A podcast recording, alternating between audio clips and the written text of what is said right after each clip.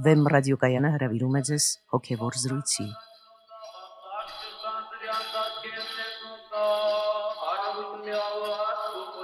Սիրելի ունկնդիրներ, Վեմ ռադիոկայանի եթերում են արժանապատիվ Տեր Մեսրոպ Քահանա Արամյանը եւ Արա Սարգսակ Նալչաջյանը։ Այսօրվա մեր զրույցը Քրիստոսի աստվածության մասին է։ Օրհնեցեք Տեր հայր։ Աստված օրհնի։ Տեր հայր, քրիստոնեությունը մեկ աստվածական կրոն է, սակայն միաժամանակ նաև քրիստոնեությունը խոսում է Սուրբ Երրորդության մասին, որ Աստված Սուրբ Երրորդություն է։ Իհարկե այս խնդրին մենք հաճախակի անդրադառնում ենք մեր այս հաղորդաշարի ընթացքում, սակայն ժամանակ առ ժամանակ ստիպված ենք լինում դարձյալ անդրադառնալ սրան, նկատի ունենալով այն հանգամանքը, որ որոշ աղանդավորական ուղությունների կողմից շահարկվում է այս հանգամանքը եւ մարդկանց մտքերում փորձում է շփոթ առաջացնել աստվածության վերաբերյալ թե ինչպիսին է աստվածությունը։ Խնդրեմ բացատրեք ինչ ասել է 1 եւ 3 աստվածության վերաբերյալ։ Սա քրիստոնեական կրոնի գլխավոր առանձնահատկությունն է, որ քրիստոնեական կրոնը լինելով մեկ աստվածական կրոն, ասելով որ Աստված մեկ է, ինչպես մի քանի այլ մեկ աստվածական կրոններ, նաև ասում է, որ աստվածության այդ մեկությունը, եզակիությունը արտահայտված է երեք անձերով եւ այդ 3-ի ու 1-ի միջև կա ներքին առնչություն այսինքն մեկը արտահայտվում է 3-ով եւ 3-ը արտահայտվում է 1-ով եւ դրանք նույնն են որտեղ այստեղ 3-ը եւ 1-ը հանդես չեն գալիս որպես թվային կատեգորիաներ դրանք հաշվարկային մեծություններ չեն այլ խորհրդական իրողություններ են հիմա կփորձեմ ավելի մանրամասնել կամ բացատրել ասածս այսինքն հին աշխարհում չկար դա թեպետ այսօր կարելի է ցույց տալ Սուրբ գրքով որոշակի լուրջ հիմնավորումներով, որ Աստվածության հայտնությունը հին ուխտում ունի որոշակի հոգնակիություն, այսինքն ինքը ինքնափակ եզակիություն չի, բայց դա տեսանելի չէր, մինչև նոր կտակարան դա տեսանելի չէր։ Միայն Քրիստոսի, ուրեմն հայտնությունից հետո է, որ դա դառնում է տեսանելի։ Բայց Քրիստոսով արդեն Աստծո որդու հայտնությամբ, արդեն այդ ինքնափակ Աստվածությունը, որը հերավոր անսահմանությունում էր ու հասկանալի չէր, թե մարդը ինչպիսի կապ ունի այդ Աստվածության հետ, Քրիստոսով Աստվածային այդ իրականությունը արտաբացվել է մարդկային բնության մեջ։ Այսինքն Աստված անընդմիջելիորեն մերձավորվել է փաստորեն մարդկային բնությանը։ Եվ Քրիստոսով փաստորեն բացվել է նաև մարդկությանը ներաստվածային այդ գոյության անճարելի կարգը, ներքին չափումները, որովհետև արդեն մենք տեսնում ենք, որ որոշակի բաներ տրված է որդուն, որոշակի գործեր կատարվում են Սուրբ Հոգով եւ այլն։ Այսինքն նաեւ երրորդությունը մենք տեսնում ենք ունի որոշակի ֆունկցիոնալ դրսեւորումներ արդեն առողջության մեջ։ Եվ ամենակարևորը այս ամենի մեջ այն է, որ եկեղեցու հայրերը ասում են այդ երրորդության անձերի հավիտենական խորհրդակցության որոշվում է, որ երրորդության անձերից մեկը պետք է փաստորեն մարթանա, այսինքն դառնա ճշմարիտ մարդ, մարդուն փրկagorցելու համար։ Դեր Սուրբ երրորդության մասին խոսելով մենք ասում ենք հայր, որդի եւ Սուրբ Հոգի։ Այսինքն տվյալ դեպքում ես կուզեի մեր զրույցի առարկան տեղափոխել աստվածության այս անձերի մեջ երկրորդը իշատակվող անձի վրա, այսինքն որդի Աստծո վրա։ Եթե մենք ասում ենք Աստվածությունը վերաբերում է երեքին, թե հորը, թե որդուն եւ թե Սուրբ Հոգուն, ինչ ենք հասկանում սրանով, ինչ ասել է աստվածություն, այսինքն Սուրբ Երրորդության անձերից յուրաքանչյուրի աստվածությունը ինչ ասել է։ Ամենասուրբ Երրորդության վարդապետությունը ասում է, որ Աստված մեկ է, այսինքն մեկ աստվածություն է, մեկ կամք է, մեկ թակավորություն է եւ մեկ զորություն է։ Բայց այս ամենը արտահայտված են 3 անձերով։ 3 անձերի գոյությունը ինքը չի շղթում կամ չի նսեմացնում մեկ աստվածության իսկությունը։ Այսինքն աստվածությունը մեկ է, բայց 3 անձերով։ Այսինքն բոլոր ժամանակներից առաջ բոլոր հավիտյաններից առաջ Աստված ծնում է իր որդուն որդին իր հոր անքնին ծնունդն է աստված է ասում ենք աստծուց լույս է լույսից եւ սա ժամանակային առաջացում չէ սա ժամանակի մեջ ինչ որ արարում չէ սա անժամանակ ծնունդ է այսինքն չի եղել ժամանակ չի եղել ինչ որ մի պահ երբ որ չի եղել որդին նույնպես էլ չի եղել որևէ պահ, երբ չի եղել Սուրբ Հոգին։ Որդին եւ Սուրբ Հոգին դրանք ունեն անժամանակ, ասում ենք, պատճառականություն։ Այսինքն մենք մեր մարդկային կերպերով չենք կարող չափել, որտեղ սրանք արարչական ինչ որ կատեգորիաներ չեն, ասելու համար, որ ահավասիկ Որդին կամ Սուրբ Հոգին փոքր են հորից։ Որդին ծնված է նույն հոր բնությունից եւ Սուրբ Հոգին բխումն է նույն հոր էությունից Շատ հետաքրքիր է, որ Սուրբ Գրիգոր Աստվածաբանը ասում է չեմ հասցնում, ասում է մեկը տեսնել եւ երեքով եմ պայծառանում, չեմ հասցնում, ասում է երեքը տեսնել եւ դեպի մեկն եմ բարձրանում։ Դրա համար մենք ասում ենք, որ 1-ից 3 անցումը կատարվում է ոչ թե թվարկությամբ, եկեղեցու հայրերը ասում են, որտեղ դա մաթեմատիկական ինչ որ հասկացողություններ չեն, այլ խորհրդականորեն, այսինքն դրանք խորհրդական անճառելի կարգեր են, աստվածային կարգեր են եւ չի կարելի նույնիսկ ասենք մարդկային պատկերացումներով փորձել այդ աստվածային երամիասնությունը չափել, բայց խնդիրը այն է, որ մենք գործ ունենք ամենասուրբ երրորդության խորհրդով արդեն Աստծո լրիվ այլ պատկերի հետ։ Մինչ այդ Նույնիսկ եթե ասենք մարդիկ հասկանում էին կամ մարդկանց տրված էր, որ Աստված ինքը անznավոր զորություն է, Աստծո հետ այդ անznական շփումը, անznական փոխհարաբերությունը բացված չէր։ Դա միմիայն տեղի ունեցավ այն ժամանակ, երբ որ նորից ամենասուրբ երրորդության խորհրդակցությամբ երրորդության անձերից մեկը մարդացավ։ Եվ նույնիսկ շատ հետաքրքրական է, եթե մենք Քրիստոսաբանության մեջ խորանանք, մենք կտեսնենք, որ մինչև Քրիստոսի մարդեղացումը նույնիսկ հասկանալի չէր թե ինչ է մարդկային անznականությունը, անznավորությունը։ Շատերը ասում են, որ եւ դա հայտնի փաստ է, հին աշխարը չգիտեր անznավոր գոյության գաղտնիքները, որտեղ անձ բառը չկար գոյություն չուներ օրինակ հին հունարեն լեզվում եւ միայն պետք է հայտնվեր ճշմարիտ անznավորությունը Հիսուս Քրիստոս որպեսի մենք հասկանայինք մեր անznավոր գոյության խորուրդը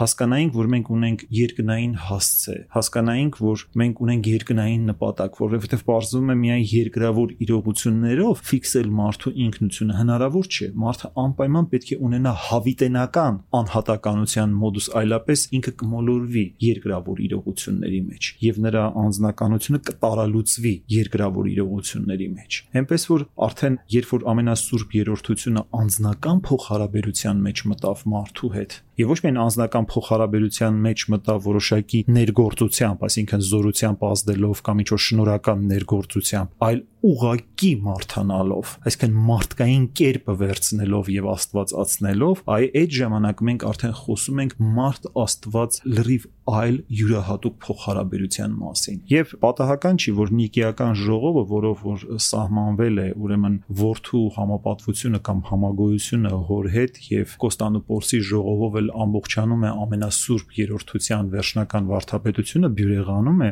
սրանք համարվում են ընդհանրապես մարդկության պատ պատմության մեջ փիլիսոփայական, մարդկության փիլիսոփայական մտքի յուրահատուկ թռիչքներ, որովհետև մինչ այդ մարդկությունը այդպիսի հարց չի դրել իր արժև։ Այսինքն սա արտակուստ մի անհնարին թվացող բան է մարդու համար, անհասկանալի մի բան է մարդու համար, ինչպես է 1-ը 3 եւ ինչպես է 3-ը 1։ Բայց պարզվում է, որ մարդկային սովորական ընկալ ընկալումների կամ տրամաբանական դատողությունների այդ շղթան մինչև չկոտրվեր, մարդը չէր կարող վեր կանգնել իր երկրավոր պատկերացումներից, չէր կարող իր աստվածաբանական գիտակցության մակարդակը վեր կանգնեցնել երկրավոր համեմատությունների մակարդակից։ Այդ առումով Նիկեական ժողովը փաստորեն իսկապես համարվում է մարդկության ընդհանրապես փիլիսոփայական իմաստասիրական աստվածաբանական ընդհանրապես մտքի գագաթնային պահը Աստվածության անձերից մեկը, բանն Աստված կամ որդին Աստված, մարդացավ, առավ մարդկային կերպարանքը եւ ճշմարտապես դարձավ մարդ։ Որդի Աստծո կամ բանն Աստծո մեջ բնակվում է Աստվածության ամբողջ լիություն, ամբողջ լեցունությունը, այսինքն ամբողջությամբ եւ համահավասար Աստված է, բանն Աստված հոր եւ Սուրբ Հոգու հետ զուգահավասար նրանց։ Արդյոք մարդացած Աստված, այսինքն Քրիստոս ուներ աստվածության նույնպիսի լիություն, ինչպես եւ նախքան մարտանալը, երբ դեռ որդի Աստծո էր, միայն որդի Աստծո էր նախ այդպիսի հարց տալը, նույնիսկ եթե ասենք մարդու մտքով նման հարց է անցնում անհարիր է, որովհետև նախ Աստվածաշունչ գիրքն է հաստատում դա, որ Քրիստոս Աստված էր եւ նա ի սկզբանե հոր մոտ էր եւ ինքը Աստված էր, սա Հովանու ավետարանի սկզբում է ասված։ Ուղղակի խնդիրը հետեւյալն է այստեղ դերեր, որ առաջին դեպքում գործ ունենք Աստվածության հետ, Աստվածային ոլորտի եւ երկրորդ դեպքում մարդկային ոլորտի հետ եւ բնականաբար մարդկային ոլորտը ավելի նսեմ է, քան Աստվածային ոլորտը եւ հետեւաբար կարող է մարդը, չէ՞ որ ճշմարտապես մարդ էր դարձել Աստծո Մարդը իր մեջ կրել աստվածության ամբողջ լեցունությունը։ Այստեղ, երբ որ մենք քրիստոսաբանության մասին ենք խոսում, պետք է նկատի ունենանք մի շարք կարևոր դավանական սկզբունքներ եւ դրանով ամեն ինչ ակնհայտ կլինի մեզ համար։ Երբ որ ասում ենք, որ Աստված մարդացավ, սա չի նշանակում, որ աստվածությունը վերածվեց մարդկության կամ փոփոխվեց աստվածությունը, փոխվելով դարձավ։ Դրա համար մենք Աստված մարդկային միությունը Քրիստոսի մեջ խոստովանում ենք անփոփոխելի Միևնույն ժամանակ խոստովանում ենք անբաժանելի, այսինքն այդ միավորման մեջ հնարավոր չէ տեսնել որևէ պահ կամ ժամանակ, որևէ ակնթարթ, երբ որ աստվածությունը մարդկությունից բաժանված է։ Նույնպես եւ ասում ենք, որ այդ միությունը անշփոթելի է, անշփոթելի միություն է։ Այսինքն հնարավոր չէ աստվածությունը երբևիցե շփոթել մարդկության հետ եւ նույնպես էլ մարդկությունը հնարավոր չէ շփոթել աստվածության հետ։ Էնպես որ եթե այս 3 անփոփոխելի, անբաժանելի եւ անշփոթելի այս սահմանումները մենք հստակ պահում ենք մեր մտքի մեջ, ապա ամեն ինչ հասկանալի է մեզ համար դառնում, որ դա փոխարկությամբ տեղի չի ունեցել։ Այսինքն մեկը չի փոխարկվել մյուսի, այլ աստվածությունը ինչպես որ էր իր նախահավիտենական անժամանակ փառքի մեջ, նույնպես էլ մնացել է, թեպետ հայտնվել է մարդկային կերպով, այսինքն Աստված մարդացել է, բայց Հիսուս Քրիստոս նույնն է երեք այսօր եւ հավիտյան, այսինքն ինքը նույն բանն Աստված է, հոր անժամանակ եւ անքնին ծնունդն է բոլոր ժամանակներից ու հավիտյաններից առաջ ծնված եւ ինքը միշտ եղել է իր փառքի մեջ պարզապես մարդիկ այդ փառքը տեսնելու կարողություն չեն ունեցել օրինակ առաքյալները իրենք ճունեին այդ փառքը տեսնելու հնարավորությունը կամ անհրաժեշտ զորությունը քանի դեռ չէին ստացել Սուրբ Հոգին տեսեք այլակերպության ժամանակ Տերը արդեն առաքյալների միջից իր ընտրյալ աշակերտների միջից ընտրություն է կատարում եւ նրանցից 3-ին վերցնում է եւ բարձրացնում է Թաբոր լեռան վրա։ Եվ Թաբոր լեռան վրա արդեն որոշակի նրանց զորություն է տրվում, որպեսզի նրանք մի փոքր, մի ակնթարթ տեսնեն իրական փառքը իրենց տիրոջ։ Այսինքն այն փառքը, որի մեջ միշտ էր Հիսուս Քրիստոս, այսինքն Քրիստոսի համար այդ պահին ոչ մի բան չի փոխվում ինքը աշակերտներին մի պահ ցույց է տալիս եւ աշակերտները նույնիսկ զորացած լինելով տեսնելու համար այդ հայտնությունը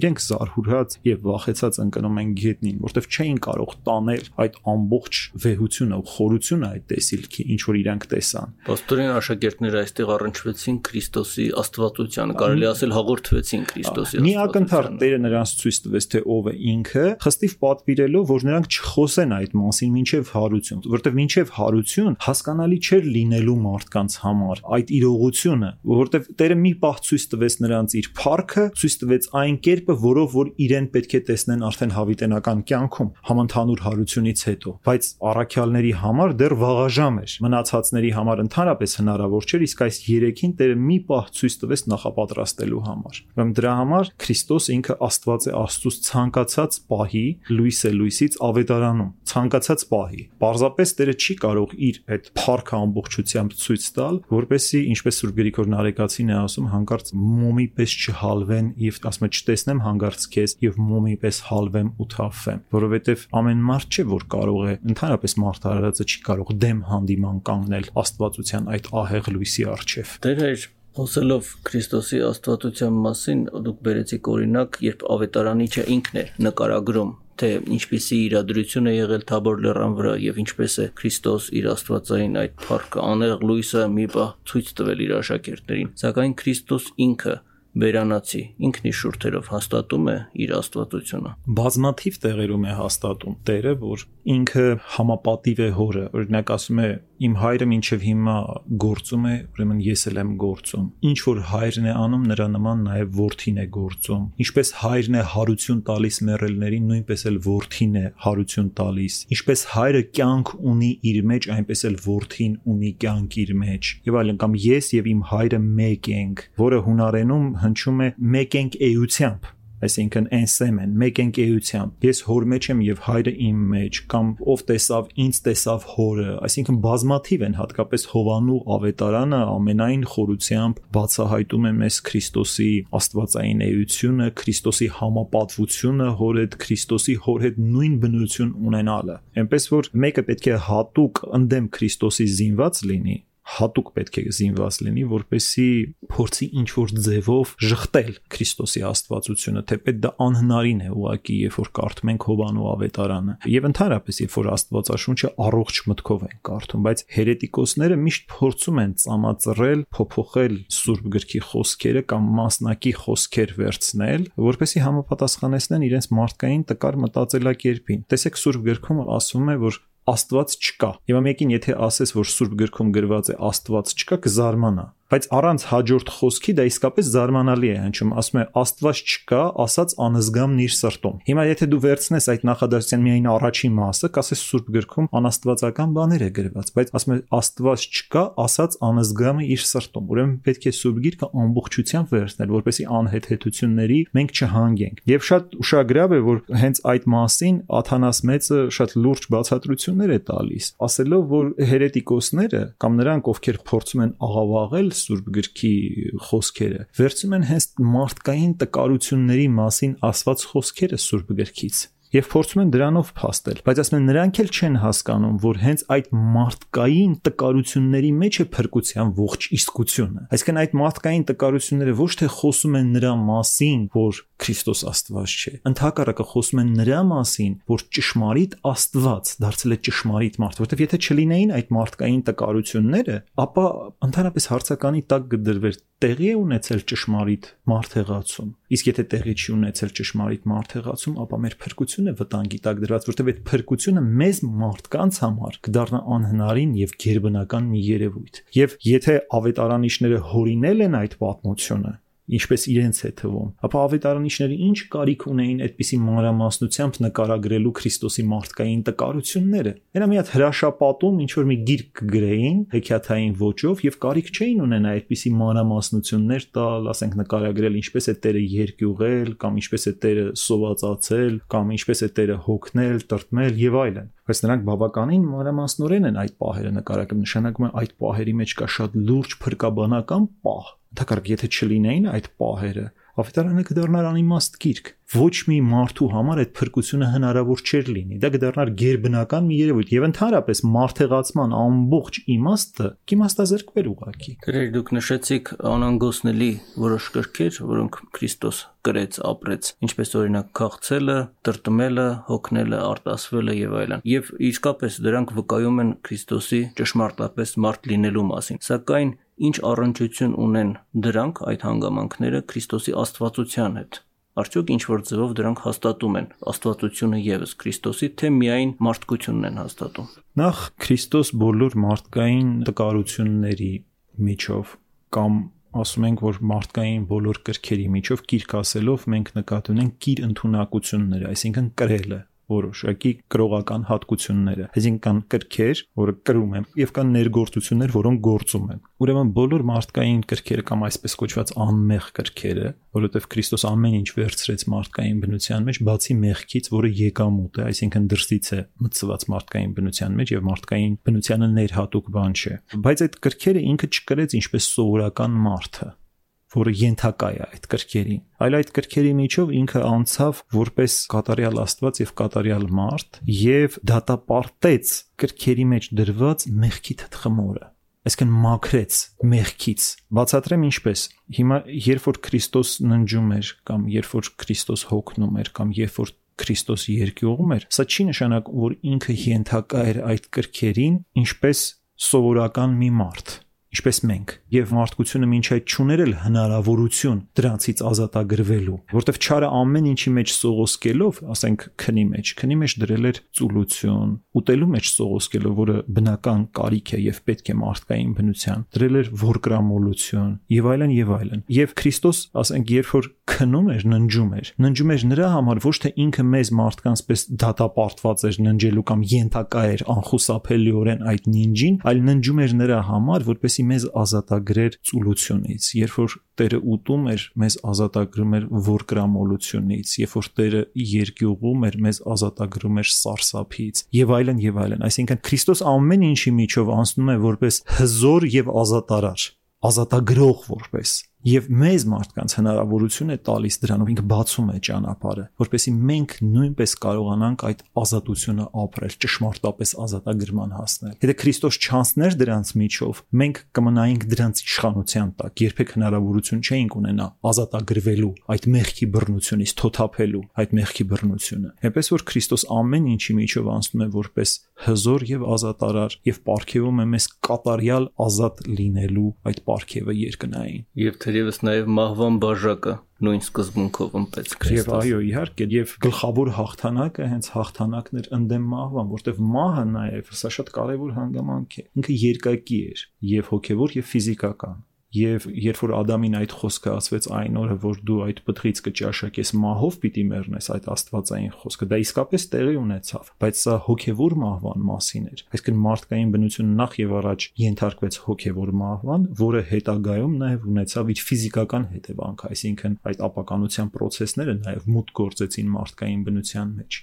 Եվ Քրիստոս հաղթելով մահվանը մեզ ազատագրում է հոգևոր մահվան դատապարտվածությունից։ Սա գլխավոր հաղթանակն էր նրա հարության։ Եվ որ Քրիստոսի մահը իսկապես ուկայում է նրա ոչ միայն ճշմարտապես մարդ, այլև ճշմարտապես Աստված լինելը, սքանչելի կերպով բացատրում է Սուրբ Հովան Ոսկեբերյան հայրապետը, որ ասում է, երբ խաչի վրա էր եւ հասել էր ժամը, երբ պետք է իր հոգին ավանդի, նա նախ իր կամքով իր գլուխը խոնարհում է եւ հետո հոգին ավանդում միայն ոչ թե ուղակի վախճանվում է եւ նրա գլուխը թուլացած այսպես ընկնում է ինչպես սովորաբար մարդկանցը կարող էր լինել այլ քանի որ ինքը իր ներգործական կամքով հանձնառավ անցնելու մահվան միջով ապա նաեւ նախապատրաստվեց դրան եւ այդպիսի քայլով ցույց տվեց եւս մեկ անգամ վկայեց իր աստվածությունը Շնորհակալություն Տեր հեշտ թույլ տվեք սրանով եզրափակել մեր այսօրվա զրույցը Քրիստոսի աստվածության մասին Օրհնեցեք Տեր հայր։ Աստված օրհնի։